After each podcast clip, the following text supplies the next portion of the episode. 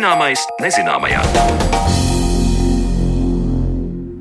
Esiet sveicināti redzījumā zināmais nezināmajā. Ar jums kopā esmu es Sandra Kropa, un šodien mēs parunāsim par snaudošām briesmām virs mūsu galvām - asteroīdiem.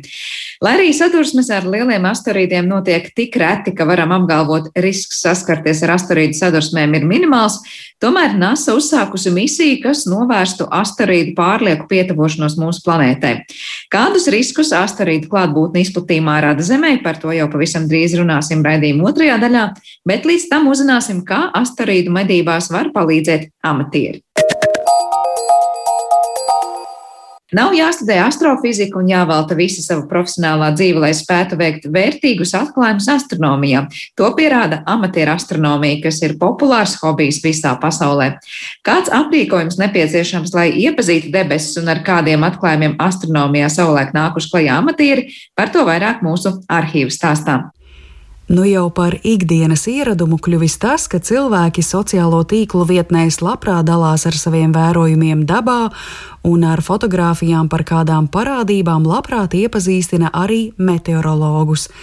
Tādā veidā profesionāļi iegūst jaunus faktus un plašāku redzējumu par dabas procesu izplatību un daudz ir arī astronomijas amatieru, kuri tieši tāpat pievēršas kosmosa novērojumiem un dara to gan sava prieka pēc, gan lai nāktu talkā profesionāļiem.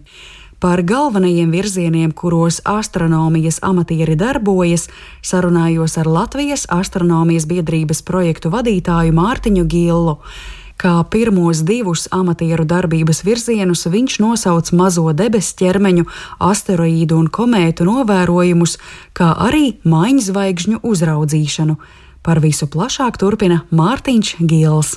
Jāsaka, ka šobrīd eh, gan uz Zemes, gan kosmiskajā telpā ir diezgan daudz eh, ļoti spēcīgu teleskopu, kas eh, var novērot tādas detaļas un tādos spektra diapazonos, ko no zemes ar aci, viņiem tādi ierindas cilvēki nekad nevarēs izdarīt, jo tomēr ir milzīga infrastruktūra vajadzīga. Bet uh, astronomijas amatieru priekšrocība ir tā, ka viņu ir ņemot vērā pa visu pasauli diezgan daudz. Tie novēro daudz dažādas lietas, kas varbūt profesionālam astronomam šķiet samērā neinteresantas. Un beig beigās uh, tieši uz kaut kādām tādām negaidītām uh, reizēm var trāpīties arī vai nu kāds atklājums, vai nu kaut kāds interesants novērojums. Tipiskais eh, virziens, eh, kurā strādā eh, amatieru astronomi pasaulē, ir mazie debesu ķermeņi. Tas ir komētas un asteroīdi. Vēl pirms kādiem gadiem, desmit, tas bija tāds ļoti būtisks virziens. Tagad īstenībā jau arī profesionālie teleskopi ir parādījušies, kas tādā robotizētā veidā mēģina atklāt komētas asteroīdus vai arī apstiprināt esošu debesu ķermeņa orbītas. Tomēr um, šī joma galīgi zudusi nav.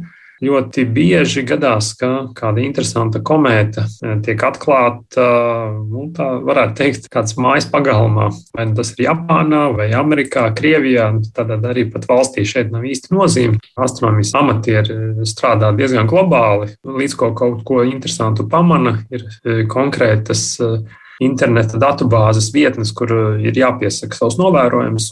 Tur faktiski ir tādas tā medības, kurš pirmais kaut ko interesantu pamana, piesaka. Un, un tad dažkārt ir kādas pilnīgi negaidītas komētas atklātas.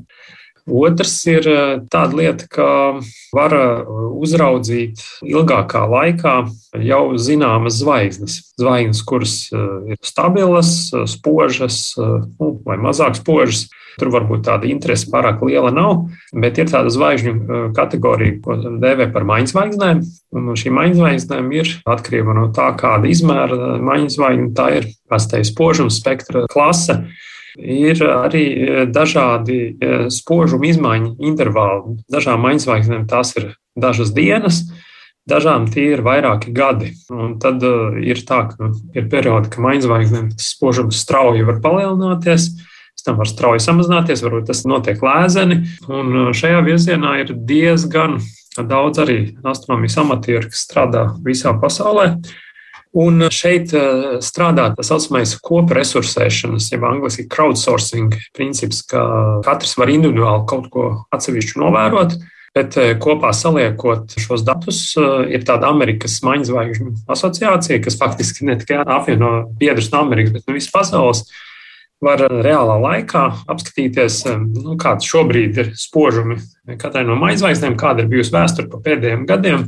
Piemēram, arī Latvijā ir zināma lielzatiņa observatorija, kuras īpašnieks Sergejs Klimānskis ir tieši ļoti aktīvs maizvaigžņu novērotājs. Un viņa kontā ir vairāku šādu maizvaigžņu spožumu izmaiņu dati.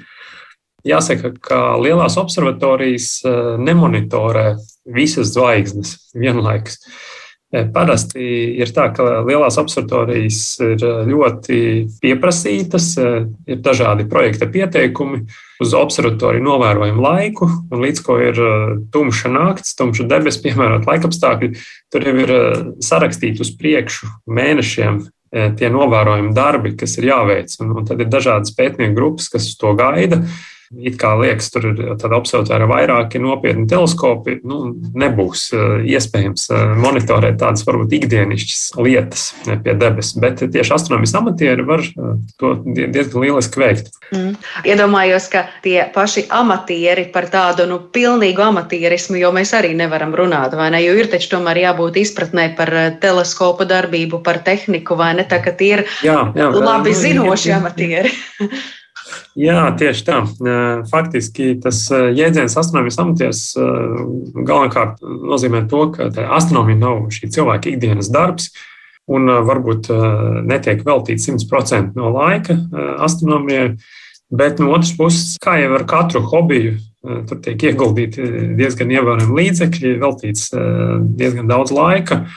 Un arī tiek izveidots jau savu veidu tāds tā kvalitatīvs pamats, lai varētu kaut ko novērot un secināt.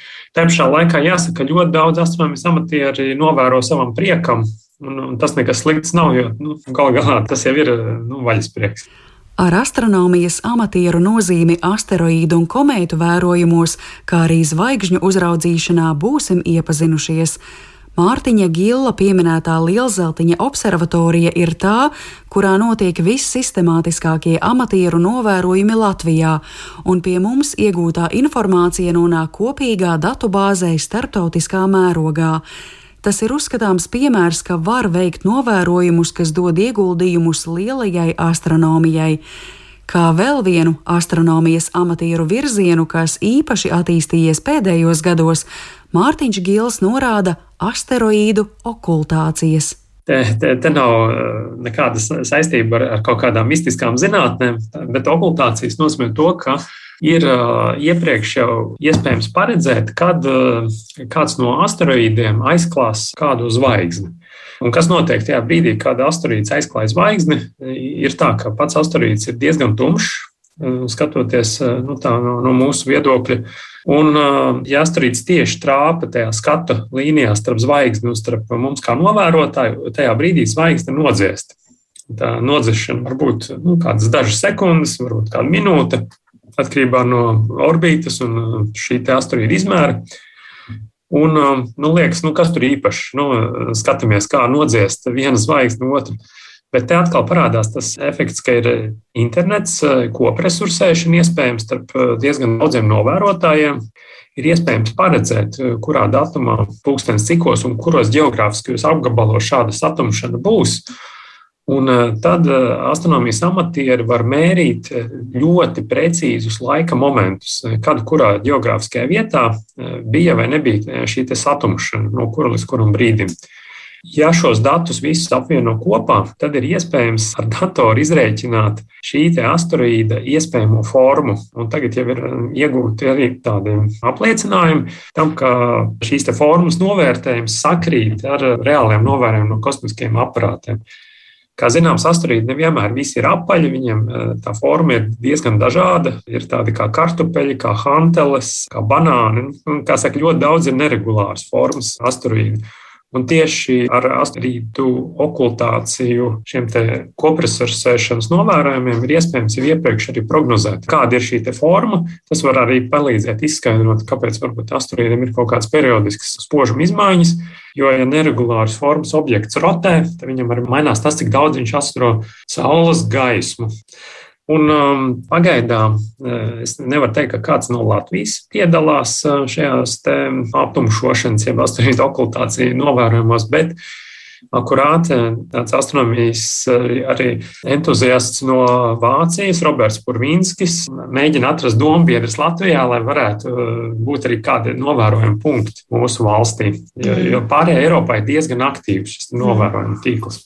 Bet sakiet, piemēram, visi šie uzdevumi, ko veic tā saucamie amatieri, ja, tos uzdevumus viņi saņem no profesionāļiem. Proti, nu, mums kā profesionāļiem varbūt šis, šis jautājums nav tik ļoti aktuāls, mēs tam nevaram veltīt pietiekami daudz laika, tāpēc mēs apzināti izsakam lūgumu amatieriem, lūdzu, jūs to dariet. Proti, kā viņi saņem informāciju, ka tas būtu viņu lauciņš darīt visu to, ko jūs aprakstījāt. Tā īsti nav dzirdēts, ka profesionāļi būtu īpaši lūguši. Pagātnē ir bijušas akcijas, kad ir kaut kas jānovēro, vai pirms kaut kas noticis, un tad paši astronomijas amatieri saprot, ka nu, jāmēģina attiecīgi novērot. Es nevarētu teikt, ka uzreiz tāda novērojuma dod kādu zinātnisku vērtību, bet nu, kaut kādu nelielu pienesumu arī sniedz. Piemēram, pavisam nesen arī bija viens uh, reģistrēts gadījums, uh, kad Jupitera atmosfērā acīm redzot, ietriecās vai nu kāds asteroīds vai komēta, ir vērtējums, ka gada laikā šādi notikumi ir nu, 20 vai vairāk, bet eh, samērā reti sanāk eh, tādu dzīvajā piefiksēt. Nu, reiz dažos gados ir kaut kas tāds manīts. Bet tur jāsakrīt virknē faktoru, ka tieši tajā brīdī kāds novēro, novērot tādā veidā, ka tiek pieregistrēts. Jo, ja piemēram, kāds novēro raci, tad te pašā brīdī nu, to var arī nepamanīt. Tā, tās ir dažas sekundes, un mēs palaidām to garām. Vai, vai, vai domājam, ka vienkārši kaut kāda atmosfēras turbulence tur ir. Bet, eh, ja tādi novērojumi sakrājās, tad ir iespējams pēc tam arī kaut ko secināt. Gan par eh, šādu sadursmju biežumu, apjomu, varbūt pēc tam arī, ja tūmā ir kāds kosmiskais aparāts, kas veids pārlidojumu pār Jupiteru, pēc tam arī šos atmosfēras, tos, nu, saka, traucējumus īslaicīgos arī novērot. Nu, tā kā eh, tāda sadarbība var būt abos virzienos. Septembra vidū Jupitera sadursmi ar otru debesu ķermeni fiksējuši amatieri visā pasaulē, un tas uzskatāms tikai par astoto novēroto triecienu šīs planētas kopš pirmās reizes.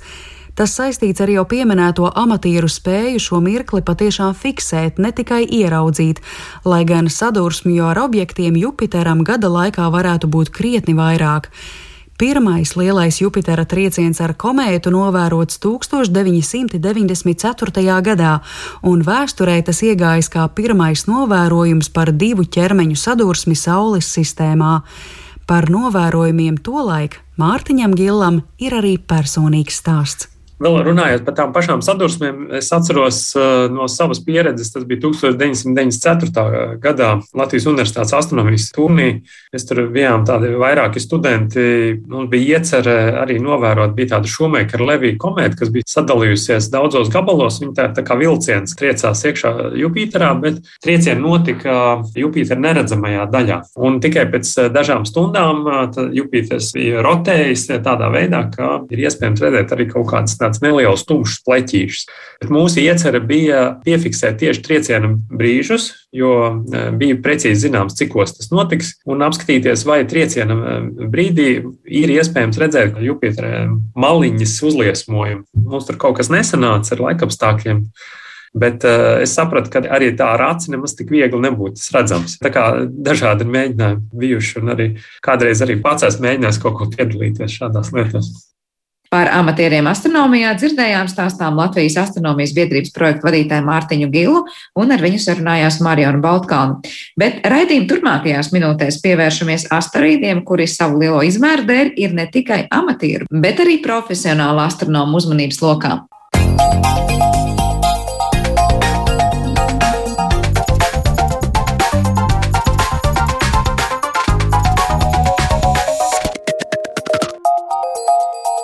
Zināmais nezināmajā. Eifeļa torņa izmēra asteroīds gada nogalē pietuvosies mūsu planētai. NASA norāda, ka cilvēku bažām nav pamata un asteroīdu sadursme ar Zemi nav gaidām. Taču skaidrs, ka šādas bīstamas satikšanās izplatījumā notiek un liela izmēra asteroīdu trieciens nereiz vien piedzīvojas arī mūsu planēta. Par asteroīdu radītiem draudiem šodien vairāk runāsim ar mūsu viesi astrofiziķi un meteorītu muzeja vadītāju Kārli Bērziņu. Sveiks, Kārli! Sveiki! Varbūt vispirms parunāsim par to, kas tad ir gaidāms, nu, jo pavisam, pavisam tuvā mūsu nākotnē šeit uz Zemes. Es saprotu, ka 11. decembris ir tā diena, par kuru saka, nu, ka diezgan tuvu mums pietuvosies asteroīds, bet, par ko jau teicu, NASA saka, nu, bažām nav pamata. Kas mums par to ir zināms? Jā, tik tiešām 11. decembrī nereāls asteroīds pietuvosies Zemei. Eh, bet patiesībā tā pietuvošanās nemaz nebūs tik tuva mūsu ikdienas izpratnē. Proti, tas palidos garām Zemē apmēram desmit reizes tālāk kā mēnesis. Tātad būtībā šeit nekāda bīstama nav. Eh, vēl vairāk īstenībā pavisam interesants notikums, kas pagaidām vēl presē nav izskanējis, eh, notiks 17. decembrī. Eh, kad vēl nedaudz tālāk, bet palidos eh, jau gandrīz 800 metru liels asteroīds. Būtībā tā draudi, kaut arī tas tālāk ir, teiksim, nu, tā potenciāli tas varētu radīt daudz lielāku postījumu Zemē, protams. Un tātad līdzīga attālumā kā šis. Es vēlos teikt, ka būtībā katru eh, mēnesi, katru mēnesi Zemē garām palido lielāka vai mazāka izmēra objekti. Un pat vēl vairāk katru mēnesi uh, pavisam tuvu pietuvojās e, Zemē e, kādi nelieli asteroīdi. Dažkārt tā problēma ir tāda, ka dažkārt tie tiek atklāti tikai pēc tam, kad jau ir pietuvojušies Zemē. Tā, tā mēs atklājam diezgan jaunus, maza izmēra asteroīdus, nevienmēr pirms tie pietuvojušies. Tātad tā ir sava veida e, problēma, kas, kas mums ir jārisina, tieši tāpēc ir tā, tā novērojama tehnoloģija, tehnika jāpalielina jaudas, lai mēs spētu atklāt asteroīdus vienmēr pirms tie ir pietuvojušies Zemē. Pirms, pirms ir par vēlu, varbūt kādā gadījumā, ja, jo, protams, at, atklāt, ka tie jau ir ļoti pietuvojušies Zemē, bet draudus nerada, tā ir viena lieta, bet atklāt kaut ko tuvu, kad draudus varbūt būs radošs tas asteroīds, tas varētu būt nepatīkami. Bet, ja jau šis nerada draudus un, un, un it kā liekas, nu, mums tik bieži, kā minēja, palido patiesībā daudz kas garām, kāpēc tieši šis ir radījis tādu nu, ažiotāžu vai nu, tādu ievērību presē? Jā. E, es domāju, ka tas ir tāpēc, ka būtībā, kā jau teicu, tas regulāri notiek šādi, šādi notikumi. Un patiesībā tas nozīmē, ka mazliet atslābst interesi. Vai tas nozīmē, ka, ka tas nav svarīgi? Nē, gluži otrādi, tas ir svarīgi, jo tas notiek tik bieži. Un, teiksim, e, lai saprastu to bīstamību, tad, ja, ja šāda tipa objekts kaut kur 300 metri tik tiešām trāpītu pa zemi, nu, tad tas varētu radīt sākot no 3-4 km lielu krāteru. Tas ir principā tāda izmēra objekts, var iznīcināt tādu valsti kā Latvija. Ja mēs vēl pirms runājam vairāk par asteroīdiem kā tādiem, tieši par konkrētu šo runājumu, es saprotu, ka nu, tas diezgan bieži vēl nāks Zemes virzienā un apciemos Zemi.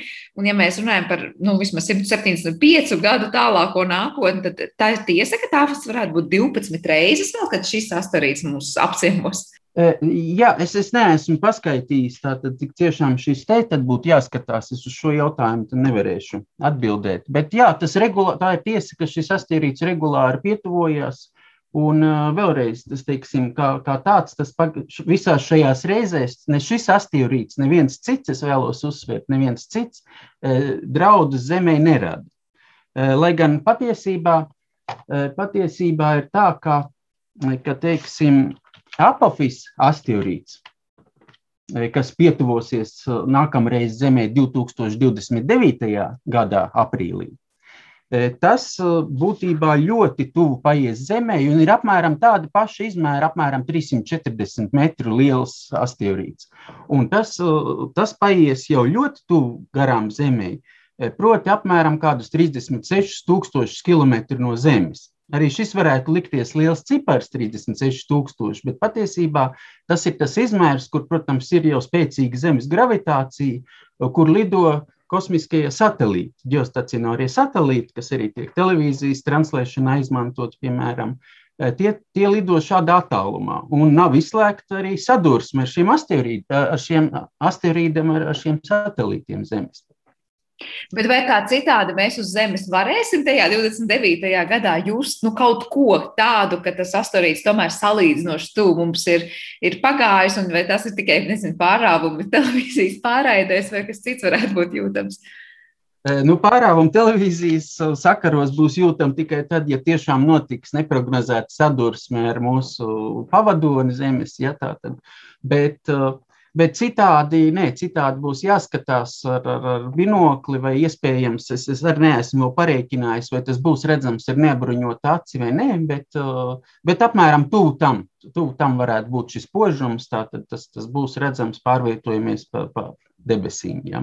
Es vēlos izcelt vēl vienu asteroīdu pirms apafisa pietuvošanās, proti 2028. gada jūnijā E, asteroīds, kuram vēl nav dots vārds, bet kurš ir atklāts 2001. gadā, e, pietuvosies Zemē apmēram pusceļā starp Zemi un Mēnesi nolidos garām. Tā tad arī pietiekami tuvu Zemē, bet tā izmēra jau ir gandrīz viens kilometrs.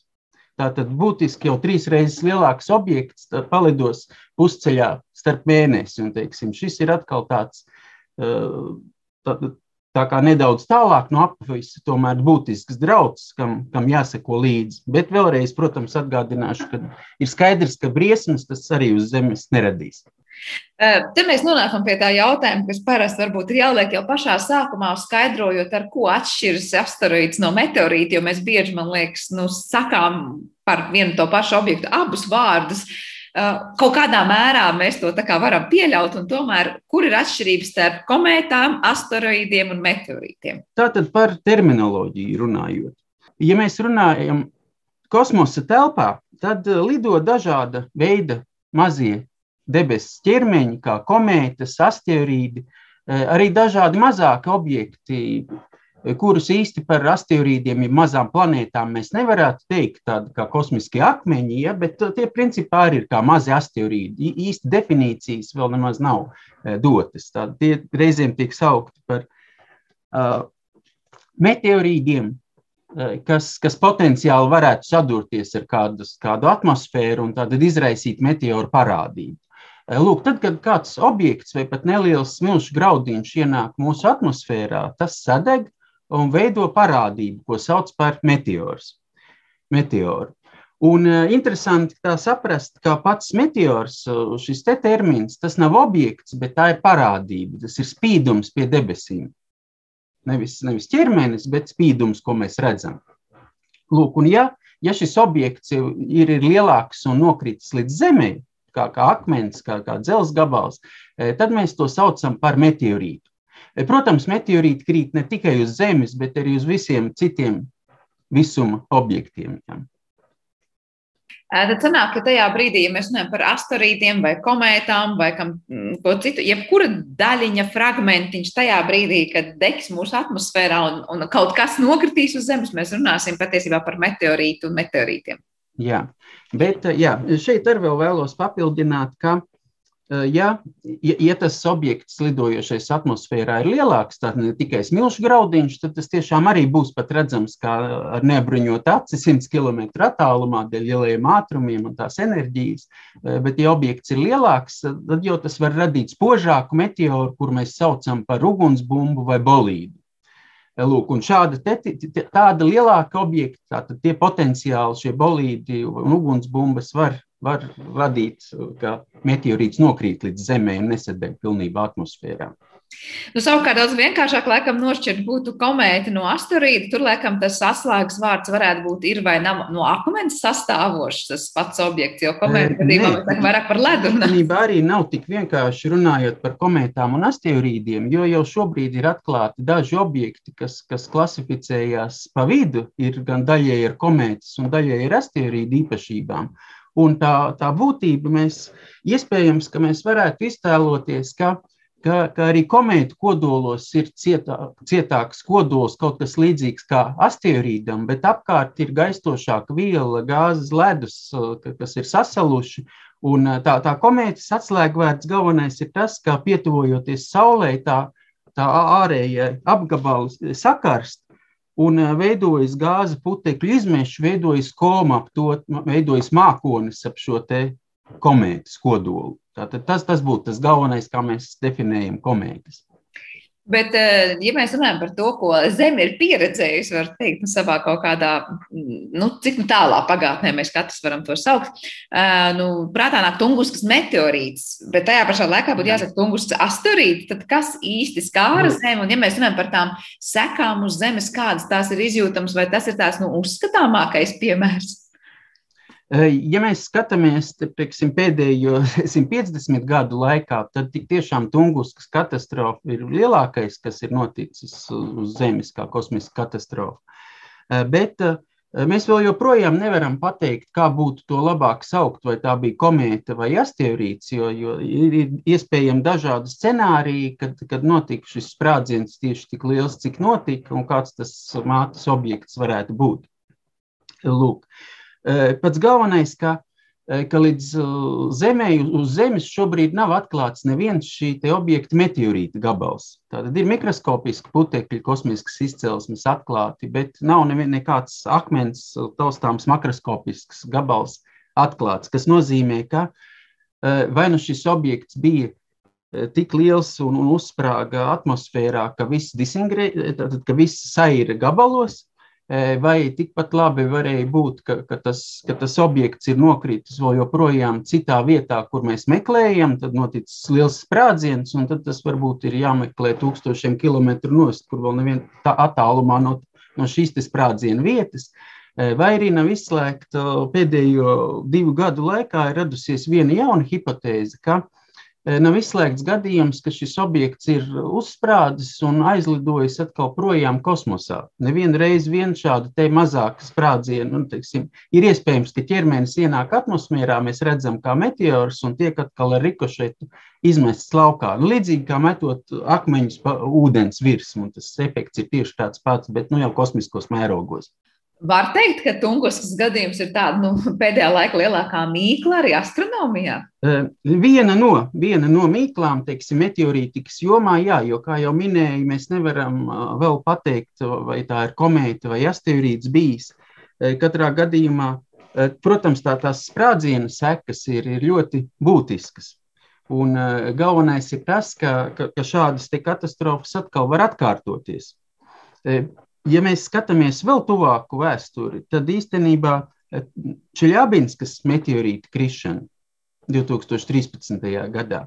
Eh, tā ir pēdējo simt gadu laikā lielākais eh, notikums, šāda te, kas ir noticis, kur Zeme sadūrās ar 20 metru objektu, nedaudz mazāk, apmēram tādu izmēru. Tātad pirms ienākšanas atmosfērā tas bija akmens tipa asteroīds. Lūk. Bet problēma bija tāda, ka arī šo 20 metru lielo objektu tas pirms tam nebija atklāts. Tas bija viens no tiem neatklātajiem asteroīdiem, kas pēkšņi sadūrās ar eh, Zemi nevienam nezinām. Un te jāsaka, ka eh, ļoti īpašu eh, teiksim, to īpašību kopuma rezultātā neviens necieta no šīs katastrofas, lai gan bija vairāk kā 1500 cilvēki, kuriem tika sniegta medicīniskā palīdzība uzskaitīts. Tad cietušo īstenībā bija vēl vairāk. Un eh, Čeļābinskas pilsētā ļoti daudz, eh, gandrīz puspilsētai logi tika izsisti, un tieši no tā arī tās, tās traumas tika gūtas no lidojošām stikla lauskām visvairāk. Bet Ja šis objekts būtu nācis stāvāk, sadūries ar zemi stāvākā leņķī un teiksim, ar lielāku ātrumu, tad principā tās enerģijas pietiek, lai iznīcinātu tādu pilsētu kā, kā miljonu pilsētu un tam līdzīgi. Tātad tas var nodarīt jebkurai metropolē, principā iznīcināt uz zemes. Bet vai šis gadījums liek mums tā kā sausīties un teikt, lūk, mēs arī varbūt nu, to ieraudzījām pēdējā brīdī, uzzinājām par to pēdējā brīdī, Un, ja mēs laikus, varbūt zinātnē būtu bijusi cita trajektorija, nu, šis meteorīts mums būtu pārsteidzis tiešām nesagatavots, ka patiesībā Jā. tādi draudi mums ir uz soļa. Jā, tieši tā, šādi draudi ir uz soļa, un īstenībā tas ir tas viens no galvenajiem uh, uzdevumiem, kas tagad ir jāveic. Tad, ja ir ļoti liels asteroīds, kas tuvosies globāli, varētu apdraudēt Zemi, to mēs atklātu jau dažus gadus iepriekš. Nu, tā vajadzētu būt, tā mēs uzskatām, ka tādā tehnoloģijas attīstībā mēs esam. Eh, bet, ja tuvojās tāds neliels, dažu desmit metru liels objekts, eh, tas, tas jau var radīt būtiskas uh, sekas teiksim, tādam ciematam, pilsētu izmēra, tāda veida objektam, tāda veida teritorijai. Un tas nozīmē, ka patiesībā, ja mēs šādu objektu 20, 30 metrus pēkšņi atklājam pēdējā brīdī, tad uh, mēs varam diezgan droši veikt evakuāciju, kas ir pagūstams tajā laikā. Tātad dažas dienas iepriekš uzzinot, mēs, ja mēs šobrīd tādu tik tuvumā esošu objektu vēl neprotam, neesam iemācījušies iznīcināt, lai gan tehnoloģijas tiek attīstītas tad, tad, tad principā salīdzinoši neliela teritorija ir jāe, jāevakuē. Jo mēs, protams, pietiekami precīzi aprēķināt to atkal sadursmes vietu, to mēs varēsim ātri izdarīt. Tā kā nu, kaut kādas labās ziņas ir arī tajā par to, ko mēs nezinām. Tātad vismaz šobrīd izskatās par tiem mazajiem, ko varbūt nevaram ieraudzīt ātri spētu vismaz uh, laikus ieraudzīt, lai evakuētos. Bet eh, man ir jautājums par to, nu, kā nosaka to asteroīda lielumu, kamēr tas vēl nav tik ļoti pietuvojies Zemē, un kā zināt, vai tagad tur mēs runājam par 20 metru objektu vai 300 metru objektu vai vēl lielāku. Jā. E, mums ir e, zināmas šo te asteroīdu e, vidējās īpašības, dažādu tipu asteroīdiem. Mēs to varam noteikt, un mēs zinām, kā, kā tie atstaro gaismu. Un tad, uh, skatot, kā, kā šie asteroīdi rotē, novērojot, ir iespējams uh, izprast, uh, kāda tipa objekts, kāda ir tā virsmas struktūra teiksim, un, un noteiktā izmērs, cik liels ir tas objekts. Mēs varam izveidot rotācijas modeļu, tādu rotācijas modeli šim ķermenim un saprast, cik lielam ir jābūt šim objektam, Eh, lai tas izskatītos tā, kā mēs to novērojam. Eh, protams, te, eh, šie ir tādi aptuveni rezultāti, kā mēs pirmkārt novērtu, novērtējam šos lielumus. Lūk, piemēram, šos 300 metru objektus mēs arī novēr, novērtējam tipiski ar piemēram, 50 metru kļūdu. Tas ir tā, 300 plus mīnus 50 metri. Tāds ir tas, kamēr tas vēl atrodas tālumā. Ja notiek precīzāk un vairāk mērījumu, tad, protams, mēs varam to rezultātu uzlabot. Bet tie 50 metri, kamēr tas ir tālumā, nu, var ļoti izšķirt to, kurā kategorijā tu asteroīdu ierindos un cik tas būs, nebūs bīstams. Principā nē, jo, jo teiksim, visi tā, sākot no tādiem 300 metru objektiem, tie visi ir ļoti bīstami, jo tie apdraud jau tik lielu teritoriju kā valsts un vēl lielākas. Ja, Tātad tie visi ir, ir uzskatām par ļoti bīstamiem.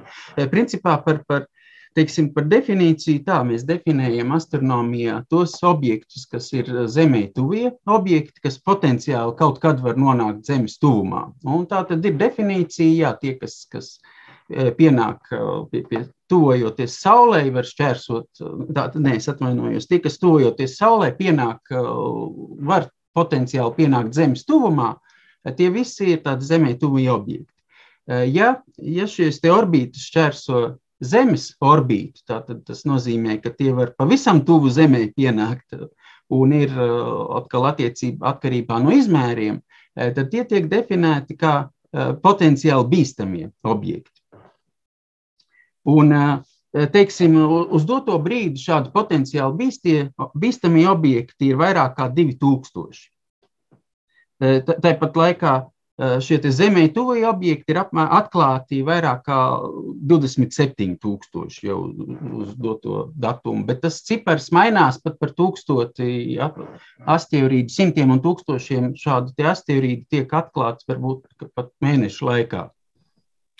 Vai šajā brīdī ir iesaistīta arī nu, tā saucamā sabiedriskā zinātne, tajā proti, ka amatieru astronomi patiesībā cilvēki, kas vienkārši grib veltīt savas stundas, sēžot pie datora ekrāna un skatīties un pētīt un saprast, ir vai nav kāds asteroīds, tas, kas šobrīd ir kādā datubāzē liekams, vai tur tomēr darbojas cilvēki, kas ar astronomiju jau ir profesionāli saistīti. Jā. Šeit tieši šajā jomā ir viss ļoti automatizēti notiek. Tas ir tik līdz kā, kā objekts tiek atklāts, tiek aprēķināta uzreiz tā orbīta, tik līdz tie dati to ļauj izdarīt.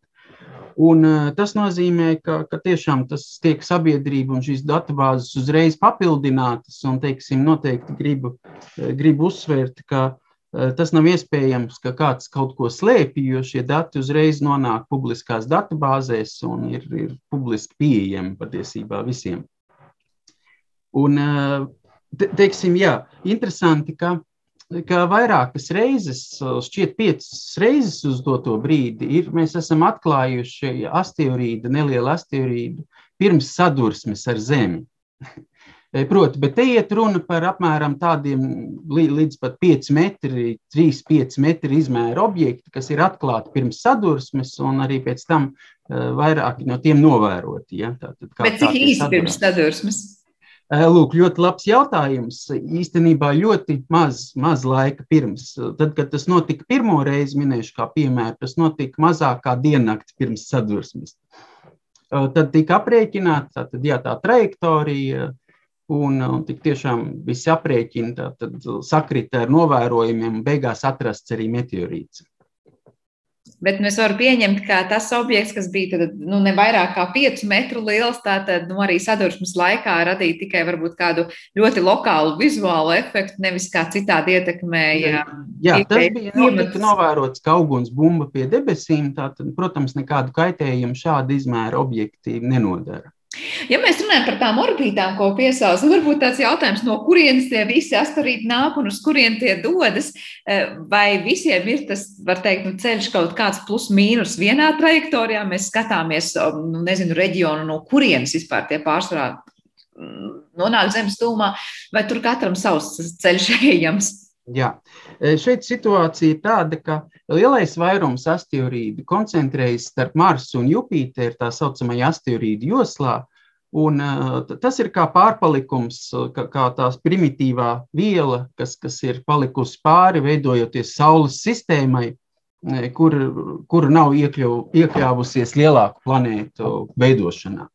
E, šis nav asteroīdu josla, nav vienīgais. Arī ārpus e, Kuipera joslas, tur, kur Plutāns e, riņķo, arī tur ir veidojās tādi lieli pārpalikumi no vielas, un pat vēl tālāk, kā orta mākonis ar komētu, no kurienes mums tipiski nāk. Šie objekti tātad ilgu laiku atrodas šajās joslās, bet tad, protams, arī savā starpā notiek kaut kādas sadursmes, vai, vai šie objekti, pie, šiem objektiem pietuvojās kāds lielāks objekts, kā mēs uz to raugāmies. Lūk, un šie objekti var tikt izsisti no savām ierastajām orbītām. Patiesībā visi ķermeņi ietekmē visus ķermeņus visu laiku, tas nozīmē, ka tās orbītas ir stabilas, bet pienāk brīdis, kad kaut kas var, var kļūt nestabils, un tad šī attiecīgi nelielais skaits objektu maina savas orbītas. Un tad jau tālāk, teiksim, daļa no tām uh, pietuvojas Saulei un, un var šķērsot Zemes orbītu, tas nozīmē, ka tie potenciāli var arī sadurties ar Zemi. Tātad ir pietiekami daudz dažādu objektu, kuri e, kustas, nu, es negribu teikt haotiski, bet kustas noteiktās likumsakarībās, bet, nu, teiksim, ne par riņķveidu orbītām noteikti, jā, ne par riņķveidu elipsveidu orbītām, bet, bet jau ļoti, teiksim, jau lielākas saspiestības elipsēm kustās. Jā, liekas pārsteidzoši ne tikai ko tādu ieraudzīt laikus, bet arī paredzēt un aprēķināt to atrašanās vietu konkrētajā brīdī un, un, un vietā, kā jau teicu.